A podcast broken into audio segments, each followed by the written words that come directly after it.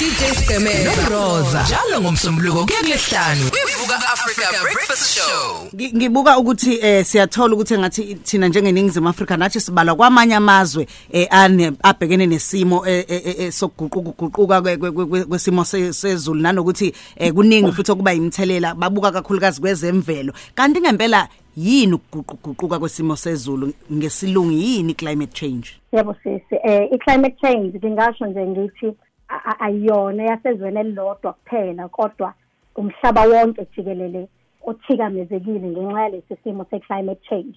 Mangiqala nje leli gama ngilihlukanisa ngizoqala ngaleli le-change change iwona lo esikhuluma ngawo ukuguquguquka kodwa ngicabanga ukuthi abantu bafocusa kakhulu kubona ukuthi lo climate uzoguquguquke nje uyini kona. I-climate ke kusuke nje kuyisimo sezulu eh kuwukuthi kuphela isimo sezulu esike sesibheka ngokweminyaka noma emva kweminyaka eminingi. Ngokwesayensi siqale ukusibheka kusukela eminyakeni engamashumi amathathu kuyela phezulu.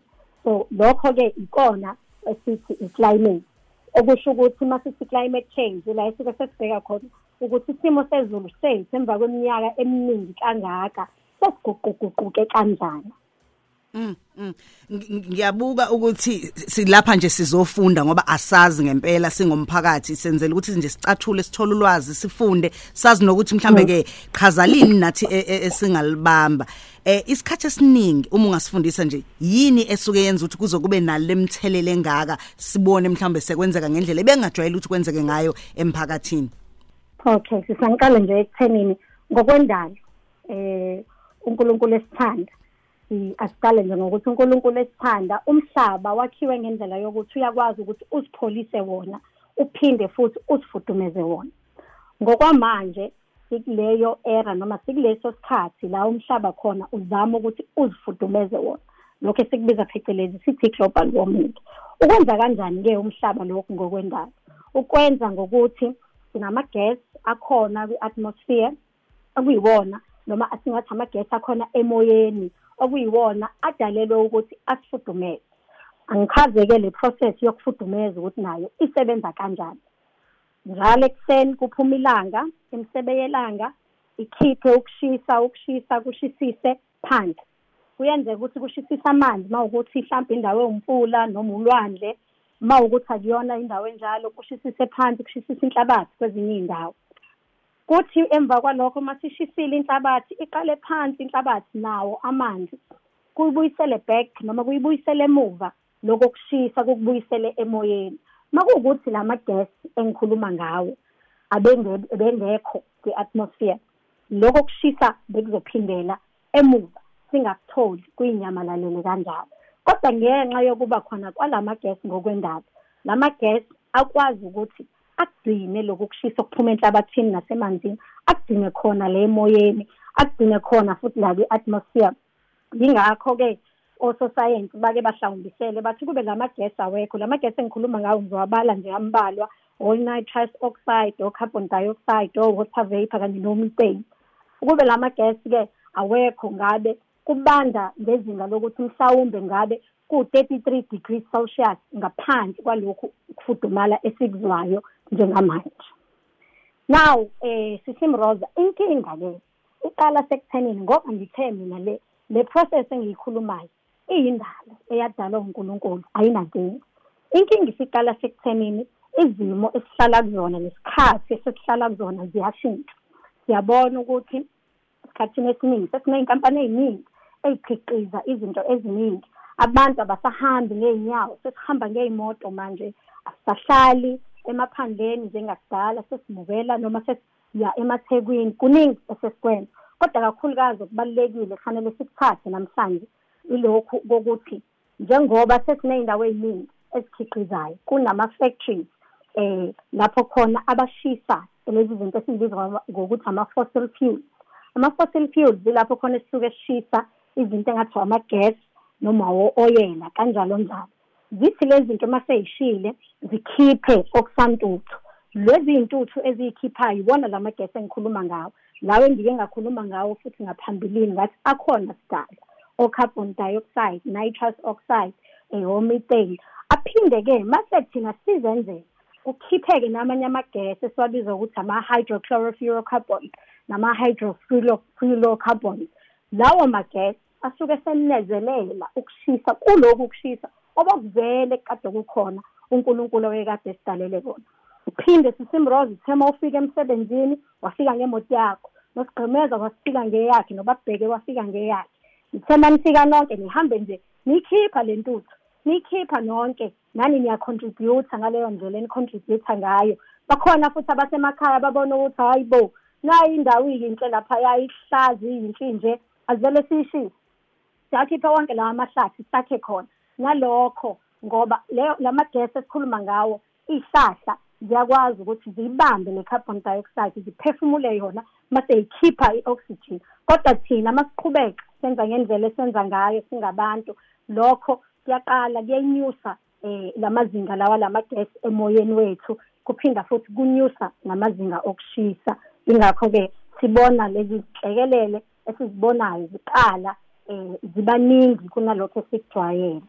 Hey ya ne kokunye uyabona ukuthi kusho ukuthi umuntu kade aqala awenza umonakalo. Ikhona into esengenziwa ikhona into abahlali eh bomhlaba wonke obushilo ukuthi akuyona iningizimu Afrika ayithinta country yodwa abangayenza ukuzama ukwenza kube khona ushintsho noguquko manje. Kukhona bot kukhona abasangakwenza. Eh njengamanje nje bakhona abasazama siyazi ukuthi sike sezwe abantu ngalezi insuku bakhuluma kakhulu ngokuthi eh banama solar panels bamuvela ku solar energy. Solar energy lapho khona esuke sikhuluma nge-energy evela elangeni. Energy evela elangeni ke ayinawo umthelelo omubi ngoba ayiwafaki lama gas esesike sakhuluma ngawo. Eh kukhona nale South Africa stage set esisibiza ukuthi Kuberg ese Cape Town esebenzisa wind power. Lapho khona sisuke sisebenzisa umoya. Kakhulukazi. So sizama kakhulu ukuthi asuke ekuthenini eh sirelaye noma sibambelele kakhulu kulama gas noma intweni ezodinga ukuthi kuqale kushiswe mase kuphuma lama gas siyele kwezinye izinto. Lapho khona esaziyo ukuthi awukho umonakalo odalekayo emoyeni. Kodwa nje wena bhuti sigqemeza njenge njenge individual noma wena njengomuntu nje nawe kukhona ongakwenza ekhaya. Sike sithi wehlisa i-carbon footprint yakho.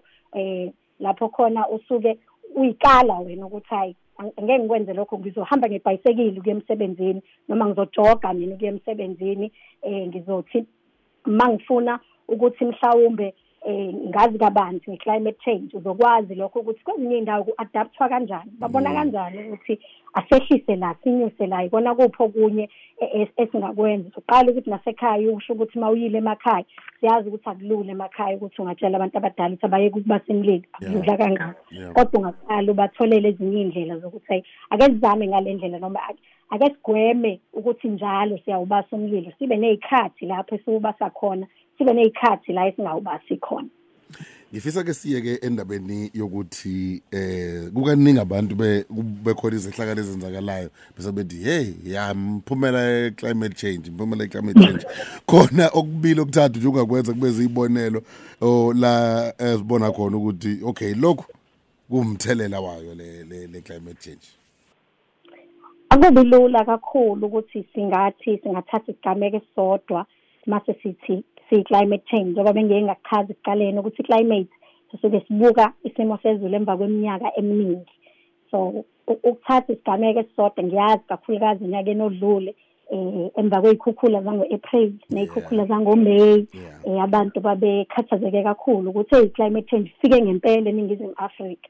So lapho esingakusho njengososayensi ukuthi-ke isigaguli noma ukuqagula kwethu kuthi i-climate change mayisifikile sizobona izimo zezulu ezimbi zithanda ukuba namandla kakhulu kunalokho okujwayelekile. Okuyibona okuyikona lokho esikubonayo. Siyabona ukuthi iy'mvula esesiyithola zingaphezu kwalezi ey'jwayelekile eh ukuduma esikutholayo kuduma kakhulu kwezinye iy'ndawo kuze kudume ngisho ey'ndaweni ngaphambilini ebengingajwayele ukuduma kuzona.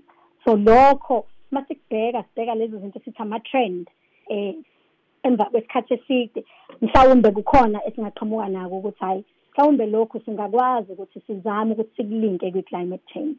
Hey ubuka i- ama ama ama snow enzeka ko Gauteng ubuka eh indawo obujwayele nana ngeyikhathi amasizini umazi ukuthi hayi makubusika ujwayele ukuthola imvula ke zishaye nje ngazo lezo ikhathi zobusika. Impela impela kunjalo eh lo isnow nje i think siyakhumbula ukuthi ke sa saqinisa kakhulu empumalanga naseGauteng. Kunalokho kunye lezi indawo besijwayele beko Eastern Cape KZN but lokho nakho kuyela back noma kuyele emuva ekuthenini njengoba ngishilo ukuthi ngisho ama-system noma ngisho isimo sezulu esesisithola sesithanda ukuthi sibe mandla kakhulu kunalokho ebesikujwayele ngaphambilini. Ingakho-ke sekuthi njengoba nje mangingachaza mayelana nalo msingo bandayo kuyiwona owasilethela um lokuya kukhithike sakubona eGauteng nasempumalanga kwaba umsingo bandayo o- o- o- o- oqine kakhulu noma ngingathi onamandla kakhulu wahamba waze wathinta khona lapha yako Gauteng nakompumalanga okuyinto engajwayelekile kakhulu esikhathini esiningi ingakho-ke sabona amazinga ethu okushisa ehla ngendlela eyisimangaliso sabona ukukhithika eh abantu sebejabulile kodwa-ke singasho sithi eh ngeke sikulahle ithawutha sizoqhubeka sizame ukuthi sisehlise lesi simo. Isikhathi siyaphoxa ngiyazi ukuthi asiqedile solokhu siqhubeka futhi njalo nangesonto elizayo. Eh khona itip yosuku nje ongashiya nayo namhlanje abantu abangayenza? Siphosuku futhi namhlanje noma i-assignment abantu engingabashiya nayo ukuthi nje bazenzele i-carbon footprint yabo lapho khona bezokwazi ukuthi zonke iy'nsuku bayimonithe noma bayibheke ukuthi benza kanjani ekuthenini bazame ukuthi bagweme lesi simo se-climate change. Ngiyabonga. Ngiyikhumbula lento leyo eyitholakala kanjani konje kunelink ethile ongasithumela yona? Yebo ayikho inkinga ngingayithumela ilink okay kathi umuntu bese ithumele zoyiposta kwi-page ubone ukuthi wena ingakanani i-space osithathayo. Eyi ya ngathi ngathi ngiyayenza. Wena mbrozo nje imaki umbrozo nje kubuka amashiya yakhe ikudlule. Phaka- phakathwayo phakathwayo awufundise phakathwayo Idlu manje a- asaqondi nathi silobabheke lapho mhlawumbe idlu yathi ishiswa emroza kawagcina amashiye njala wanalutho newivi yakhe Yebo. akayigcini. oh. Yilezi imoto abeza ngazo emsebenzini kuyizo Ingqovu, lezi ingqovu, lezi- babheke. Ehe ingqovu ingqovu lezi zabo Akwaba nama-lift. Ehe, Hamba bo- bo- bo. hamba ngebhayisikili futhi zenza nomsindo Oh, bo- bo- bo, zibajijile. endleleni ziyasithusa thina siyabuya ngokuzayo Ngiyabonga. siyabonga kulela khosi fm sibaya kakhulu nakanjani um kudade wethu uthandiwe gumede eyi uyasifundisa lapha kuningi esikubambayo kancane kancane kuyoze kufinyelele la esizwa khona sesiyibambe yonke le nto ulalela udj sgemela noroza njalo ngomsombuluko kuya kulesihlanu kwivuka africa breakfast show.